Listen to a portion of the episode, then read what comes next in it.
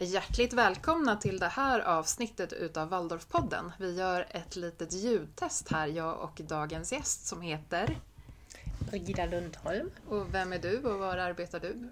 Ja, jag jobbar på Waldorf lärarhögskolan med förskollärarutbildningen. Jag är en av de som är utbildningsansvarig. Innan dess har jag jobbat tio år på LNK-skolan och startat deras förskoleklass och dessförinnan har jag jobbat många år i Waldorf-förskolan här i Sverige, men även i Tyskland.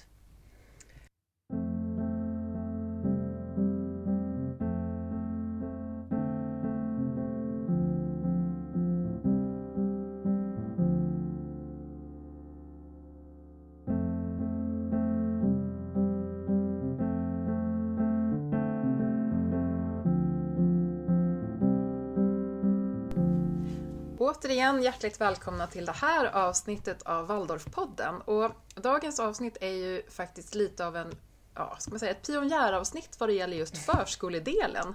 Jag har ju varit ganska dålig på att intervjua folk som kommer ifrån förskolevärlden och därför är jag extra glad att du Brigida är med i dagens avsnitt. Så välkommen hit till Waldorfpodden. Tack så mycket. Precis som din kollega Åsa som var med i ett avsnitt, tidigare avsnitt här av Waldorfpodden. Hon och du, ni har ju gjort varsin masteruppsats och gjort en master i Norge. Ja.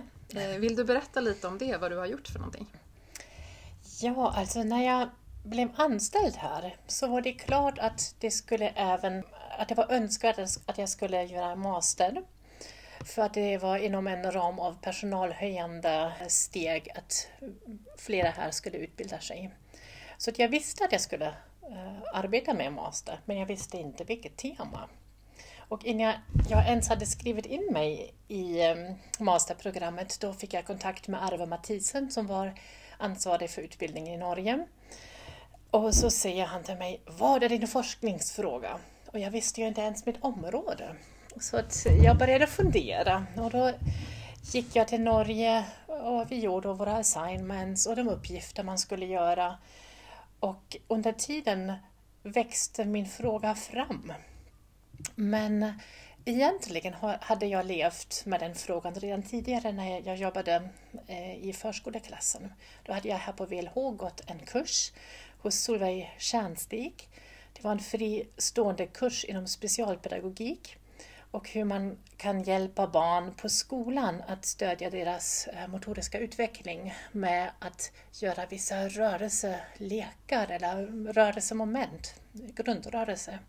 Jag blev så inspirerad på den tiden att jag tog det i min barnverksamhet och kände att det där tycker jag är spännande. Men eh, för mig var det frågan, vad ser jag i barnen?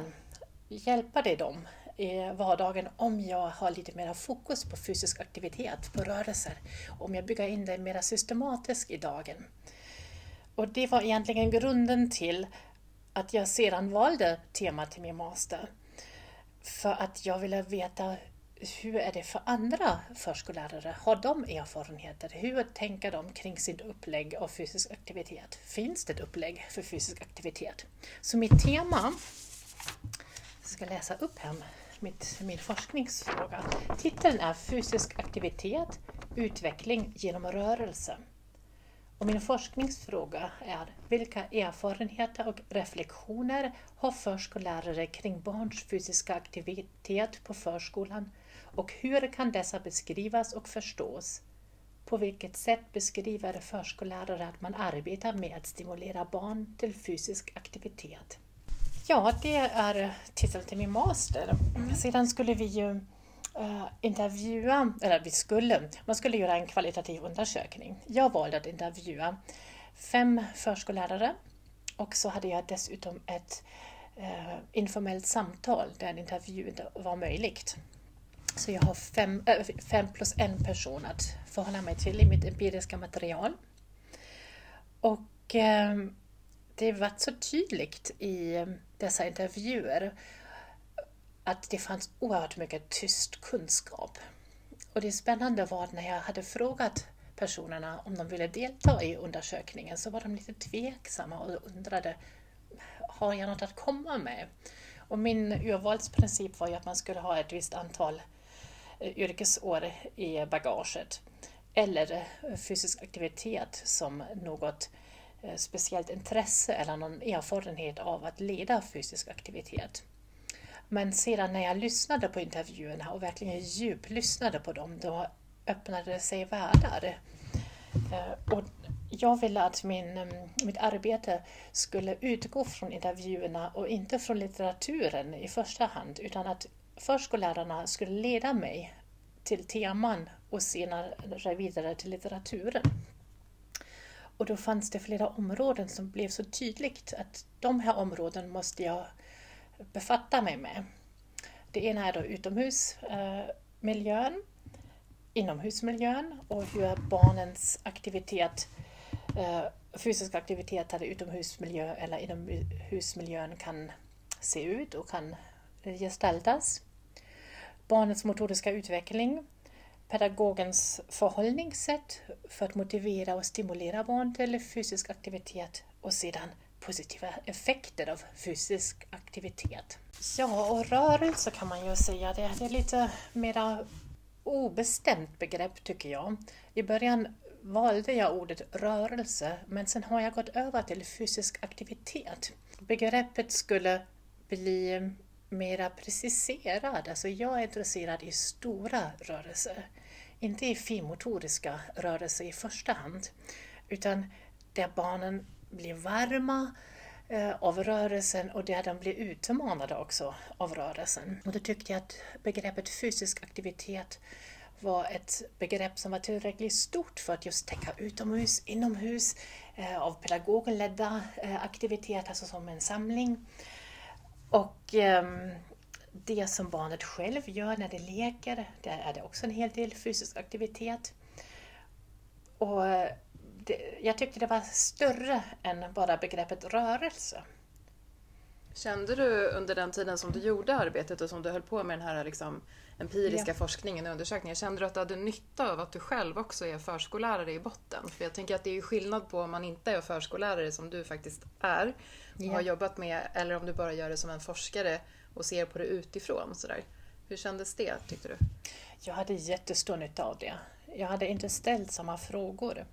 Jag känner också att när jag intervjuade mina förskollärare så var det på ett sätt en förutsättning att jag kunde deras repertoar och vardag. För att locka fram de här frågorna. För att de sa ju till mig, jag vet inte så jättemycket egentligen.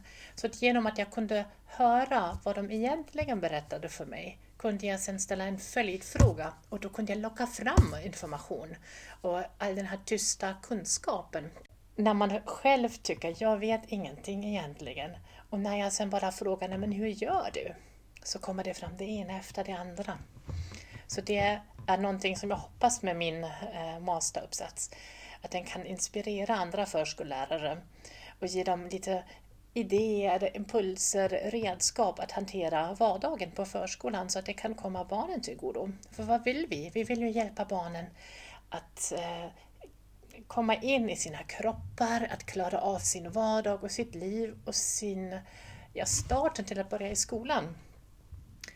Och då är ju det här en väldigt bra väg, tänkte jag. Mm.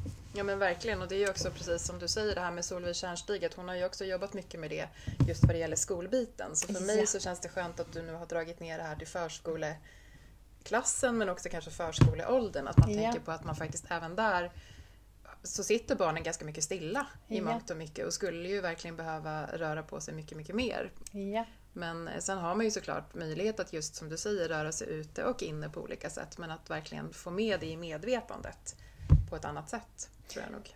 Jag tror det är precis det som du säger, att få det in i medvetandet. Som en av mina informanter sa, att det blir som en röd tråd genom deras vecko och dagsplanering. Om det blir på det sättet så tror jag att det, blir, att det kommer barnen mera till godo. För att jag kan ju hitta nya situationer där jag inte är medveten om att det faktiskt rör sig om fysisk aktivitet. Alltså vad är fysisk aktivitet? Var finns det? Det finns egentligen överallt. Det finns ingenting som jag kan göra utan att jag rör på mig. Om jag nu ska ta mig till förskolan, ja men vägen in till förskolan kanske ska jag gå upp för en trappa. För en tvååring är det helt klart en utmaning. Och för en femåring kanske också om man tar trappan ehm, med stora kliv eller extra snabbt.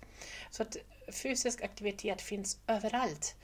Eh, antingen att miljön eh, tvingar oss till att förhålla oss till någonting eller att det är inplanerat. Så det är ett väldigt spännande tema tycker jag. Mm. Och det märkte jag tydligt också när jag skrev min master att eh, jag kunde få som reaktion fysisk aktivitet, men vad är det för ett tema? Alltså att folk inte riktigt förstår. Vad vill jag? Vad är intressant med det? Det är väl självklart. Och på ett sätt är det självklart med fysisk aktivitet. För att det behövs för att jag ska kunna genomföra alla möjliga aktiviteter i livet. Och just därför tycker jag det är så intressant att eh, fundera kring det. För vi måste ju också ta hand om eh, just bara fysisk aktivitet. Det har pratats och forskats mycket kring leken till exempel. Men leken innebär ju också mycket eh, rörelse. Innan vi går vidare nu då med själva upplägget av din masteruppsats, alltså de här olika temana som du redan har nämnt nu, så tänkte jag bara komma tillbaka till frågan om hur du kom in i Waldorfvärlden överhuvudtaget. Hur, vad var din första liksom, kontakt med Waldorfpedagogik till exempel? Ja, alltså jag är ju född in i Waldorfvärlden kan man säga. Min mamma har redan gått i Waldorfskolan i Stuttgart och jag har gått ja, om man säger första kontakt med Waldorfvärlden var väl när jag gick småbarnserytmigrupp innan jag började i förskolan, så jag var ju väldigt liten. Det hade man på den tiden i Tyskland, småbarnserytmi. Det låter avancerat man, måste jag säga, var var, det? Jag vet inte. Jag kommer inte ihåg erytmin, jag kommer bara ihåg att jag gick dit. Och sen blev man så småningom mogen för att börja i förskolan. Då var man fyra år. Så det var länge sedan, känns det som. Sedan gick jag i Waldorfskolan och eh, när jag hade gått min utbildning som Waldorfförskollärare i Stuttgart också, då um, skulle jag komma till Sverige och bara jobba här ett år egentligen. Så var tanken.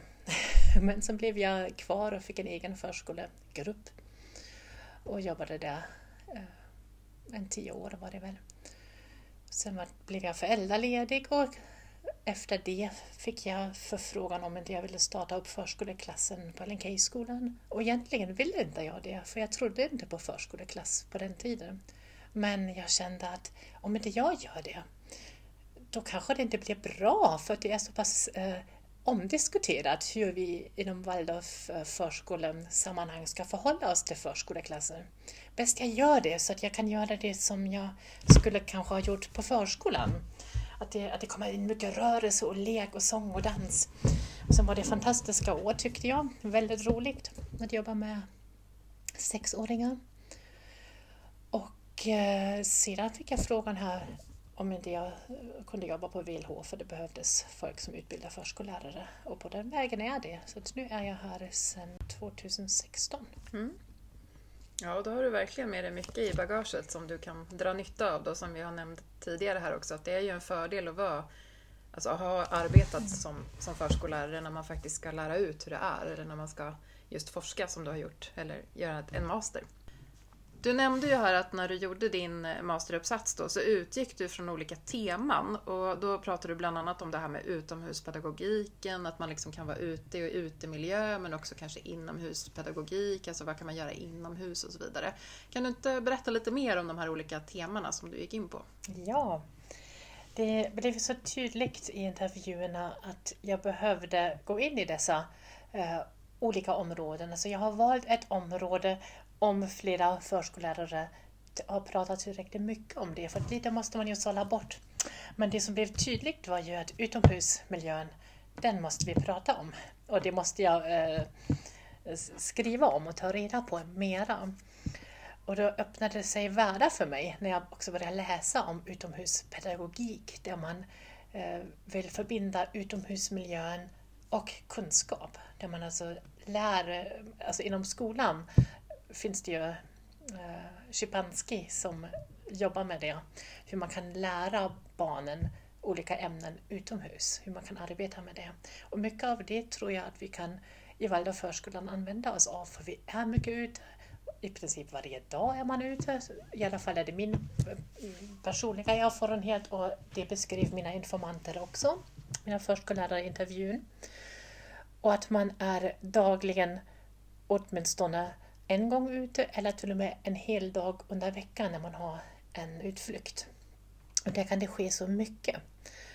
Och då är det dels att miljön, är den naturlig hållen så är det en god chans för barnen att eh, få utmaningar för eh, sin fysiska aktivitet.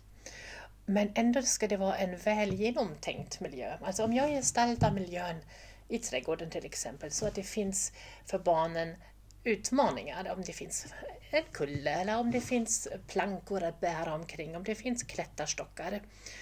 Eh, så är det en väl genomtänkt miljö som man har skapat som pedagog.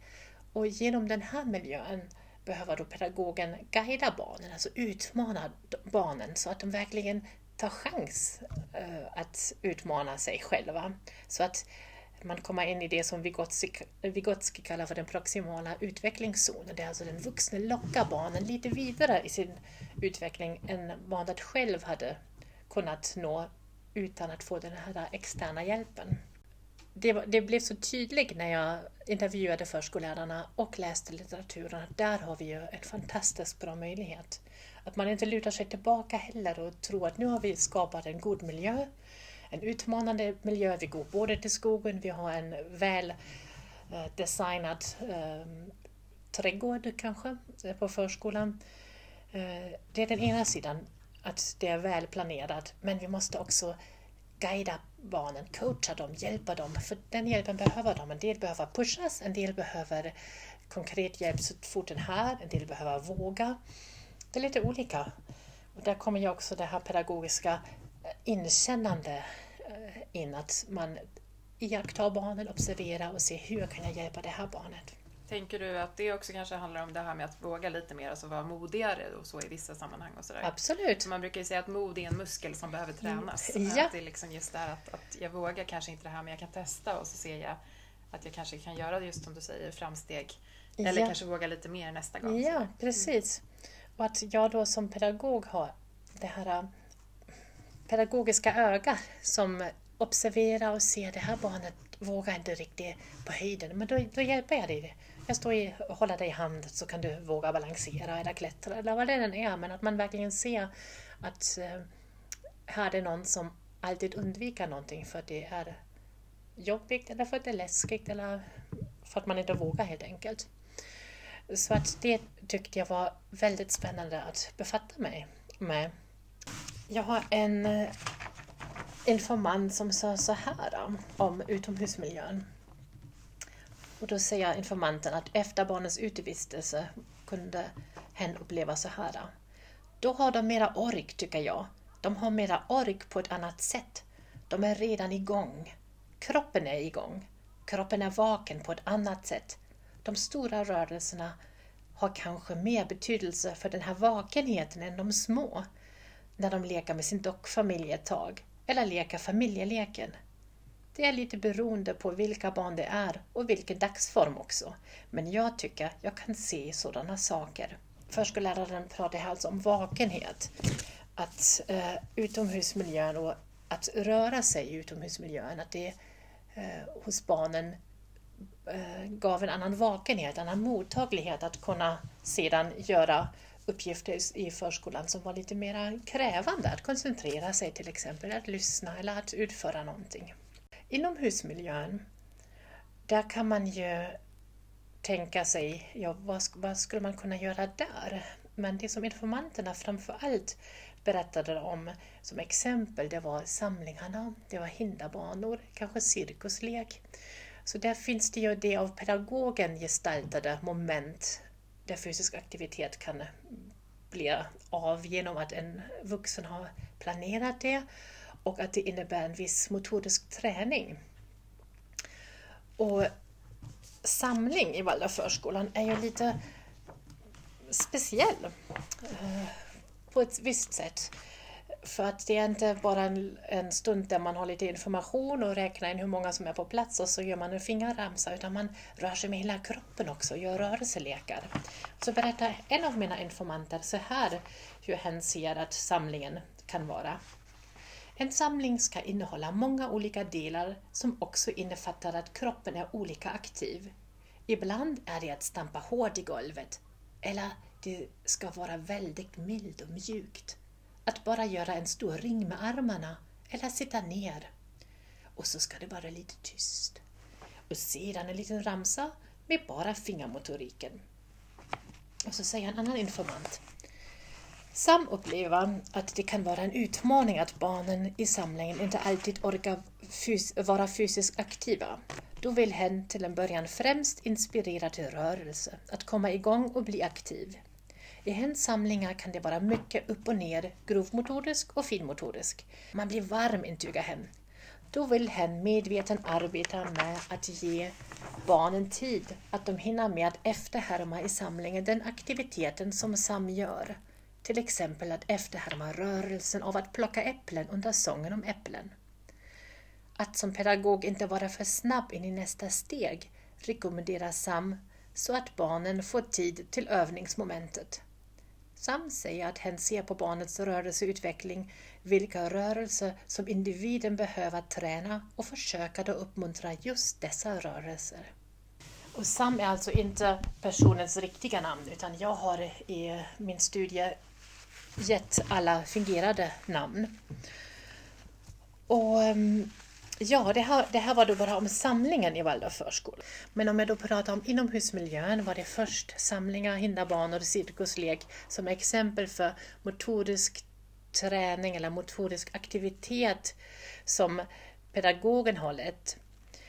Eh, och då inkluderar jag även hur miljön inomhus är utformad, att man eh, tänker till hur man har möblerat i lokalerna och hur man har gestaltat miljön. Det är alltså inomhusmiljön och den vuxne som leder.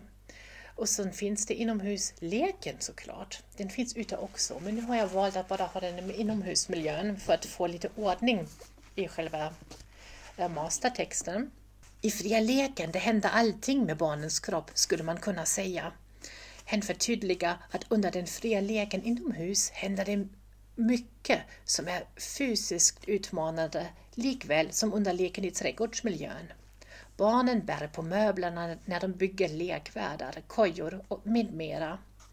Även när de ska förflytta sig, till exempel klättra under bordet för att komma till andra sidan, sker mycket fysisk aktivitet i leken. Du hade ju några ämnen eller teman till här då, som, som du har utgått ifrån. Vill du nämna några fler? Jag vill eh, däremot först gå tillbaka till leken en gång till. För att jag, i mitt exempel som jag eh, läste upp var det ju den eh, leken som barnen med mm, skapar genom att använda sig av miljön när de bygger och bär och konkar på saker fram och tillbaka. Och att då leken utgör en fysisk aktivitet. Men även den vuxna kan inom lekens ram ge barnen eh, lite stimulans för att bli fysiskt aktiv. Och det berättar förskollärarna så väldigt bra om. Att man kan eh, låta barnen krypa till exempel, att ge dem en roll att vara ett djur, så får de krypa i leken och på så sätt få en utmaning att göra vissa rörelser som man kanske annars inte skulle göra. Så det är ett lätt sätt att individuellt kunna rikta sig till ett barn.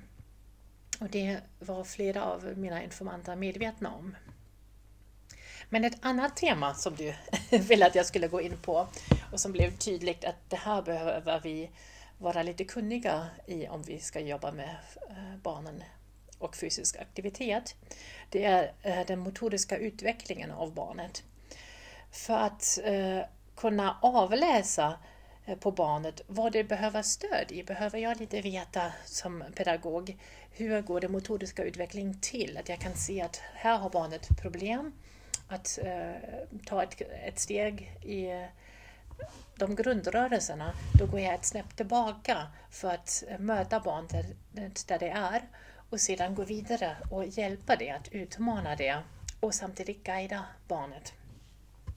För att om jag inte har dessa grundrörelser erövrade så kan det resultera i att barnen inte får vara delaktiga i lek. För att kompisarna vet att om det barnet är med så går jämt allting sönder. Så att barnet är verkligen hjälpt av att det klarar av de här grundrörelserna för att kunna vara delaktig i leken och att inte rörelse, eller hinder i motoriken utgör hinder att få vara med i det sociala sammanhanget. Så det är väldigt spännande tycker jag. Och då behövs alltså en aktivt observerande vuxen, vuxen som är med och iakttar och hjälper när det behövs. På förskolan är de flera vuxna som till exempel i samband med dessa hinderbanor får tillfälle att iaktta barnen och bli uppmärksamma på individuella barns motoriska utveckling. För att vi ska få syn på det här kan det till exempel vara att vi gör en bana, att man bygger upp med någon skärm så att man kan krypa under eller över och sen skynda där de får, gå, eh, där de får göra en kullerbytta eller rulla. Eller de ska lägga sig på en bänk och flyga som ett flygplan. Och då kan vi också se på varje barn individuellt vilka rörelser har de svårt att göra och vilka behöver de öva extra på för att kunna utvecklas. Sedan är det ju så när vi tittar på barnet och ser att här skulle det behöva ha lite hjälp och stöd för, så att det kommer vidare i sin eh, motoriska utveckling så behöver pedagogen förhålla sig till eh, barnet och eh, behöver lite knep, antingen för att motivera barnet eller för att stimulera barnet till fysisk aktivitet i största allmänhet. Och det är då nästa temat, temat eh, pedagogens förhållningssätt. Då kan det vara så att man med fysisk aktivitet löser en gnisslig situation. Barnen är trötta, till exempel, det är ett exempel som en av eh, informanterna berättar om, om man då går ut med dem på en liten promenad. Eller skickar ut dem i trädgården och är såklart med. Och genom att barnen är ute så orkar de igen. Det här är inget nytt. Ehm, sen kan det vara så att man föregriper att en situation inte blir gnisslig för att man i god tid ser till att barnen blir fysiskt aktiva.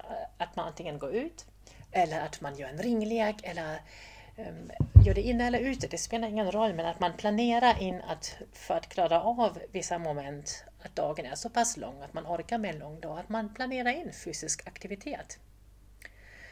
Ehm, så det kan alltså vara den, det ena för att lösa en situation, att man använder fysisk aktivitet.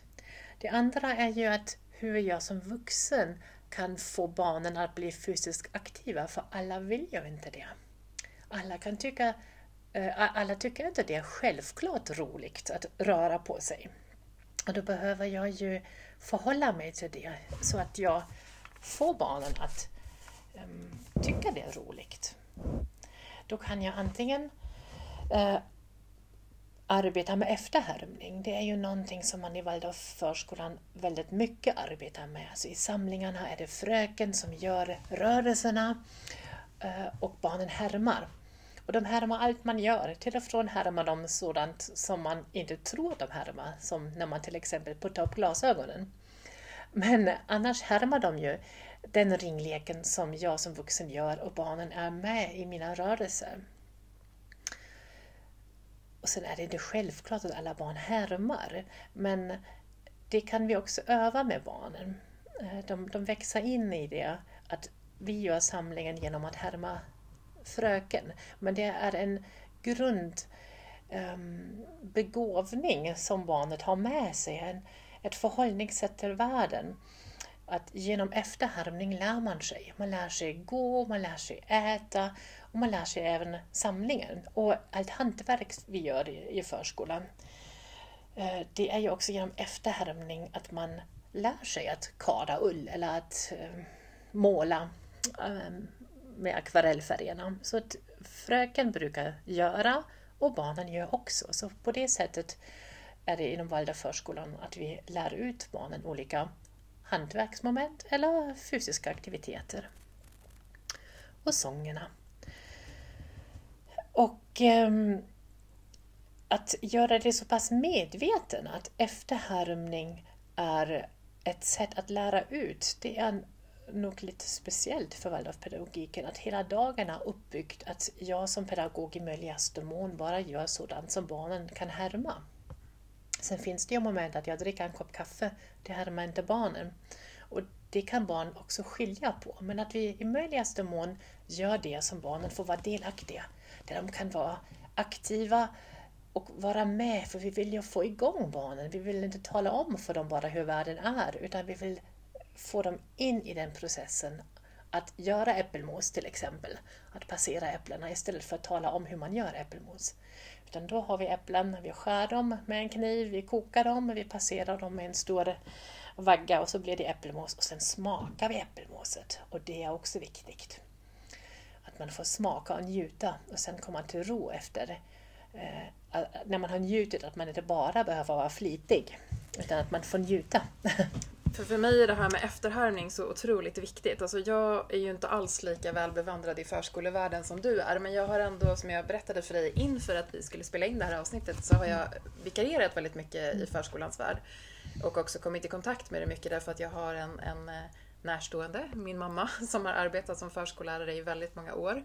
Och jag har ju sett då allt ifrån det här med samlingarna som du nämner och det här med efterhärmningen, men också att barn gör som man gör och inte som man säger alla gånger. Och det var ju så roligt när du nämnde just det här med att du puttade upp glasögonen så gjorde hela gruppen det också sådär per automatik. Och jag tänker att just det här som du kommer in på nu, att, att man inte bara gör utan man också får smaka och få med andra sinnen. Att man har en helhetsupplevelse på något sätt i det Waldorfpedagogiska tänker jag. Eh, och det här känner jag också är så otroligt viktigt att man tar med in i skolans värld sen. Där jag ju då är lite mer väl bevandrad kanske sådär. Eh, att, att faktiskt låta det pågå hela liksom ända upp i nian och även på gymnasiet. Inte naturligtvis att jag ska stå och göra rim och ramsor alla gånger, men att det faktiskt ändå är värdefullt att just den här efterhärmningsprocessen får pågå ett tag. Och också det här med rörelse naturligtvis, att man inte glömmer bort det. Det var det jag sa, att man måste få in det i sitt medvetande. Och det tror jag är jätteviktigt. Så sent som idag till exempel så, så sa jag åt mina nior som jag undervisar just nu att amen, jag vill att ni ställer er upp och, och går ett varv runt klassrummet medan jag suddar tavlan. För att jag står upp och undervisar hela tiden men ni sitter ner och då blir man passiv. Mm. Och då kunde de först inte förstå varför, men sen så sa de att ja, men okej, vi gör som du säger. Hon sa att vi skulle gå ett varv liksom här. Eh, och sen märker de själva hur pass mycket energi det lilla bara ger. Så där, och man mm. orkar liksom en kvart till att hänga med på, på genomgångar och sådär. Och det är ju också en slags efterhärmning ändå, måste man ju säga. Att jag säger att de tar ett varv runt klassrummet och så gör de det. Sen finns det såklart, precis som du nämner i förskolans värld, de som vägrar, som inte vill. Och då är det ingen idé, känner jag i alla fall, i årskurs 9 att gå in i någon diskussion kring det, utan då är det bara att släppa det. Men att ändå försöka hitta andra saker som gör att de kan få ny energi också då in i sitt tänk och in i liksom ja. undervisningen. Det känner jag igen från mina studenter. Att de tycker det är mycket att sitta ner när de kommer hit till sina utbildningsdagar. För de är vana vid att röra sig i barngruppen eftersom det är en deltidsutbildning och de flesta studenter samtidigt jobbar i förskolan. Då tycker de det är mycket stillasittande. Så att en liten paus är alltid väldigt uppskattat just för att bli klar i huvudet igen. Och det känner man väl själv också igen när man har cyklat en bit eller man har gått en promenad eller man har simmat, att man efteråt är lite fräschare. Eller jag kan tala för mig själv i alla fall. Att jag är efteråt lite mer fräschare i huvudet och kan lättare ta in någonting. Mm. Precis, och då blir det också det här viktiga att inte bara sitta passivt och ta emot, ja. utan att också vara delaktig. Och det tror jag är liksom ändå på något sätt lättare i förskolans värld, men jag tror också att det är ganska lätt att föra in det i skolans värld också. Absolut. Att man har den här rytmiska mm. delen som ja. vi ofta pratar om i de lägre årskurserna, men att den får fortsätta hela vägen upp i nian och kanske också på gymnasiet till viss del. Att man faktiskt gör olika saker ja. för att få igång tänket och för att få igång ja, med motoriken och massa olika saker som vi kanske glömmer bort så småningom. Det är ju balansen i allting som vi eftersträvar och i förskolan är det väldigt eh, tydligt i dagsupplägget att man försöker ha ett balanserat dagsupplägg. Det är alltså ansträngande moment med moment som är lite mer friare där barnet själv får eh, leka och gestalta. De varvas just för att orka då hör ju fysisk aktivitet och rörelse också till. För att bara stillasittande, det klarar inga barn av. eh, som är i förskolan att sitta en hel dag stilla eller flera timmar i rad stilla och det gör barnen i skolan inte heller. Så det är ju för dem också viktigt att ha en varvad um, skoldag och, och varierad skoldag. Mm. Och vi vuxna känner ju också det. Mm. Tre timmar sitter vi inte gärna stilla på en stol och bara lyssnar på någon. Nej, det blir ju oerhört ansträngande faktiskt. Eller hur? Själva titeln på din masteruppsats den heter ju Fysisk aktivitet i förskolan men också Utveckling genom rörelse. Jag är lite nyfiken på just den delen. Hur tycker du att man kan liksom utvecklas genom rörelse och vad kunde du se för något när du gjorde dina studier här nu då kring just det? De här orden, utveckling genom rörelse, är en av mina informanter som eh, sa att all utveckling sker genom rörelse. Och när man tänker på det lilla barnet, hur det utvecklar sig bara i sin fysiska utveckling eh, innan det kan lära sig gå, hur det när det ålar, när det kryper och när det reser sig, då märker man att den här utvecklingen, att kunna förflytta sig, det sker genom rörelse. Och eh, på barnet ser vi i förskolan när det rör sig hur mycket det kan upptäcka. Barnet är ju, lär sig inte bara med huvudet utan det är ett upplevelsebaserat lärande på förskolan. Och det sker genom att barnet är aktiv. Och aktiv är vi när vi rör på oss. Vi kan ju också vara aktiv iakttagande, så eh, det vill jag inte eh, sticka under stol med, men oftast är ju barnen i någon form av rörelse och då händer det saker.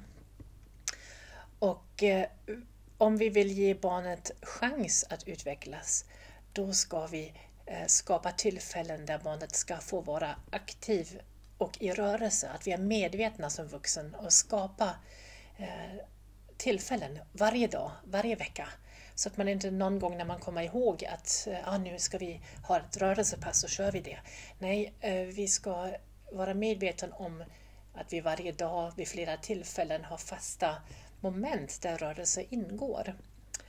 Och eh, det var det som den här informanten ville betona, att utvecklingen måste ske genom rörelsen och att vi ska ge barnen tillfälle till det. Ehm, en annan förskollärare var medveten om att henne ville pusha barnen, att barnen verkligen vågar. Och att då våga, att öva, att guida barnet och sen att komma i målet, nå framgång. Att de här stegen långsamt skulle kunna få tas, men sedan också att unna sig en paus. Att inte hela tiden vara på väg mot att nå ett mål, utan att först att pusha barnen att de vågar, sen att de verkligen övar och får färdigheten och den vuxne guidar under den här övningsprocessen och att komma fram i målet. Att det skulle sen eh, avslutas med den här pausen där man njuter av att vara i målet. Och då säger en pedagog i min undersökning så här.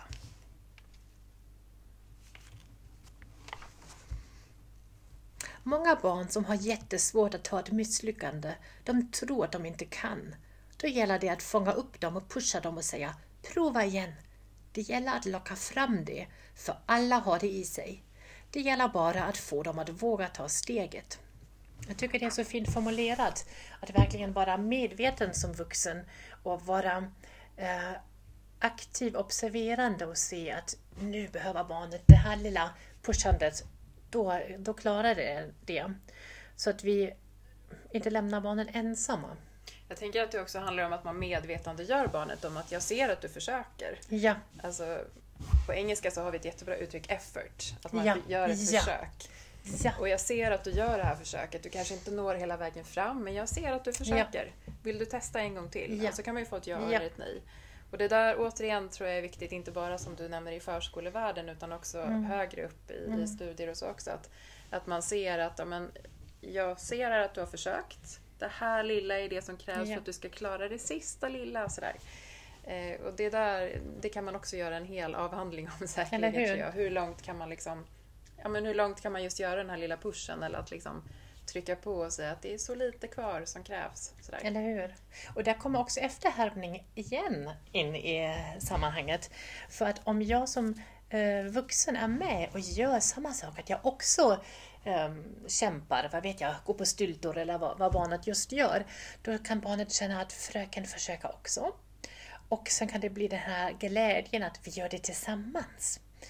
Eh, det kan också vara en faktor som faktiskt hjälper barnet att komma vidare eh, i sin egen utveckling. Så det tycker jag är viktigt att vi vuxna engagerar oss och kommer vi in och får en interaktion med barnet så är det också något som peppar barnen.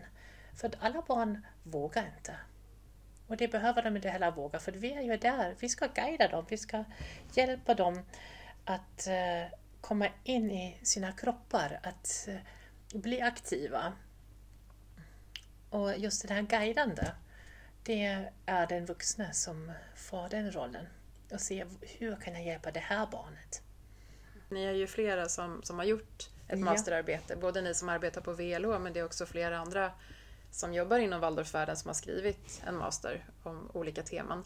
Och jag tänker att i just ditt fall så har ju du verkligen liksom ändå, dels är du lite på din egen så här, bakgård som man kallar det för, att man är på sin hemmaarena. Mm. Men samtidigt så märker jag ju också när du berättar att du har upptäckt saker som du inte har tänkt på kanske i, i ditt liksom dagliga arbete och plötsligt blir det aha-upplevelser att oh, just ja, aha, så här ser den här pedagogen på det här och det här kan ju jag testa och liksom föra in i mitt arbete och så också. Eller i undervisningen när du undervisar studenter som då är ja. blivande förskollärare eller pedagoger. Så. Och jag tänker att det vore så himla spännande att se om det är något konkret, eller om det är några konkreta saker som du kom fram till i ditt arbete där du märkte att jo, men det här ser jag ju är tydliga slutsatser som jag kan ta med mig i kanske vidare arbete framöver också. Egentligen är det ju pedagogernas ehm, knep som de i intervjuerna delgav mig som är det som svar på min forskningsfråga. Alltså att man kan eh, se att fysisk aktivitet har betydelse för barnets utveckling, att pedagogerna i den här kvalitativa undersökningen har den erfarenheten. Och att de automatiskt arbetar med det, även om de kanske inte verbalt eh, är vana vid att formulera det, så är det på ett sätt en självklarhet att de arbetar mer eller mindre medveten med fysisk aktivitet. Det som skulle underlätta för blivande förskollärare eller studenter är ju om man har den här röda tråden som eh, blev tydlig i några intervjuer att det på sina håll arbetas med fysisk aktivitet som en röd tråd som löper genom hela dagen. Att man har det i alla de här momenten som ska ingå. Att man har fysisk aktivitet som, eh, i sitt medvetande som en röd tråd. Det tycker jag är ett väldigt bra knep. Och att använda sig av övergångar och transportsträckor som något som är en möjlighet. För att vi kan inte klämma in hur mycket som helst på en dag, men det är ju en möjlighet som, som finns. Att man hittar ställen att här har, jag, här har jag en möjlighet att gestalta. Det tycker jag eh, var väldigt roligt att höra efter intervjuerna, eller när jag hade lyssnat noga igenom då kände jag att nu skulle jag vilja gå till förskolan och göra alla de här knepen. Och titta noga på men den ena personen berätta eh, om det ena, det andra om det andra. Nu vill jag prova på att göra det själv. Så att eh, några av de här exemplen har jag ju skrivit om i i, min, alltså i kapitel 4 där man skriver om empirin, alltså det som informanterna skriver om, eller säger som jag skriver om. Det, det skulle jag gärna vilja genomföra själv. Men nu är det ju så att jag inte har en barngrupp, så att jag får nöja mig med att berätta för mina studenter, som i sin tur kan prova i sina eh, förskolor. Och jag tänker att du kanske också kan föreläsa om det om det är så att någon vill bjuda ja. in dig till en förskola eller om någon vill bjuda in dig till någon föräldragrupp eller, eller vad som helst. Där. Men att det finns ju möjlighet att ta kontakt med dig. Det går jättebra och jag nås ju här på mejlen. Och eh, det är bara roligt mm. om någon intresserar sig för det här. För det här temat är så stort i vår tid tycker jag. Barnen sitter mycket bakom skärmar och det är överhuvudtaget mycket prat om stillasittande och om att eh, barnfetma ökar, att barnen är mindre skickliga i sina rörelser. Och till och med Skolverket har det, eh, uppmärksammat det. Det var det mera en hälsoaspekt. eh, än att det rör sig om koncentration eller kognitiva utmaningar, men att de ser att barn rör sig för lite och hur man, man kan arbeta med att få dem mer aktiva. Så att jag tycker det är en otroligt het fråga idag, också med digitaliseringen där vi sitter mycket bakom skärmar i det här samhället. Att man då som motvikt säger och vi rör oss också mycket. För att just få den här balansen. Vi vuxna är ju de som ska ta hand om barnen och ordna att miljön är bra för dem. Ordnar vi en tillvaro som är balanserad så gör vi väldigt mycket som är bra för barnet. Så att när kan jag i min familj, eller jag i min förskola, eller jag i min skola skapa tillfällen där vi rör på oss? Jag vet att vissa lärare på morgonen har startat, då var det högstadiebarn, att man startar och springer runt skolhuset några varv. Tio minuter, att man har några mål. Eh, jogga eller vad det nu är, åka skidor. Eh, beror ju lite på var man har sin arbetsplats, men att man planerar in det. Eller att man som många ju gör eh, efter en halv lektion. Eh, tar en bensträckare eller låta barnen springa eh, runt skolhuset en vända. Och det kan man ju göra i alla våra sammanhang där vi arbetar. Men är vi flera som är medvetna om det så kommer det bli så påtagligt roligare för barnen tror jag. När vi har det som röd tråd allihopa, inte bara på den ena eller andra förskolan. Mm. Så det tycker jag. Eh, jag ser, sen jag har jobbat med min master ser jag mycket mera eh, rörelse överallt i samhället och tillfällen. Jag ser artiklar som jag snubblar över i, i tidningen och i litteraturen där man tycker att här kan man jobba med. Avslutningsvis, om man nu är förskollärare eller barnskötare eller pedagog så i, i skolan och så känner man så här, ja men de här tankarna kring det här med rörelse och utveckling genom rörelse och sådär. Jag skulle verkligen på något sätt vilja komma igång med det. Men det är ju så himla svårt att veta hur man ska komma igång med saker och ting. Har du några konkreta eller någon, något konkret tips sådär kring hur man bara kan börja i alla fall på något sätt? När jag själv ville komma igång så hade jag två saker som jag tyckte var lätta. Det ena var en sång om tusenfoting trask. Den sjöng jag med barnen och så fick de krypa som en tusenfoting. Det var väldigt uppskattat och när jag då hade kommit igång att förflytta barnen, och det var alltså slutet av vår samling, från den eh, delen av rummet där vi brukar ha samling och ta oss till matbordet för att äta en frukt. Så, och då fick vi förflytta oss som tusenfoting medan jag sjöng och de som ville sjunga med. När jag hade kommit in i det här, då var det väldigt roligt. Och med den här glädjen, då kände jag att nu måste jag hitta på flera sätt hur vi ska förflytta oss, för barnen är ju nu vana vid att vi använder lite konstiga sätt att ta oss från samlingen till matbordet. Så det tyckte jag var för mig en bra um, start på ett sätt. Och sen det andra som har hjälpt mig själv att komma att våga på ett sätt. Det var när vi sa att vi, vi har på eh, en dag i veckan har vi lite cirkuslekar. Att man har lite eh, sådana stora rockringar till exempel och leka med det med barnen. Och då är det ett ganska eh, i ett lätt sammanhang, det är inte så uppstyrd. Och då kan vi tillsammans utforska. Så om jag och barnen tillsammans utforskar olika sådana leksaker som rockringar, då kommer jag igång och barnen kommer igång. Och det, sen byggde jag upp ett helt uh, koncept kring det hela som vi några veckor kunde arbeta med. Men det måste vara en själv hitta på. Men eh, skaffa bara lite bollar, lite rockringar, ärtpåsar och börja våga. Så ger det sig. Det är inte mer uh, eh, svårt än det. Det är bara att starta och egentligen utforska med barnen för att jag kan se på barnen vad ska vi göra nu? Vad, vad är det som är roligt? Vad är det som är utmanande? Och så hittar man sina egna sånger och ramsor som man i alla fall gör med barnen och gör dem med dessa ärtpåsar eller rockringar eller bollar. Och då är det redan fysisk aktivitetsträning. Mm.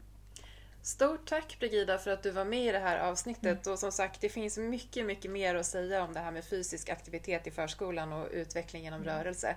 Så jag hoppas att du och även då Solveig Tjärnstig som vi har nämnt nu och många andra verkligen återkommer till det här ämnet och temat. Och som sagt, vill man boka in dig så kan man mejla till Brigida Lundholm som vi har pratat om då, att vlh.se. Återigen stort tack och hoppas att vi ses igen i ett annat sammanhang. Tack så mycket.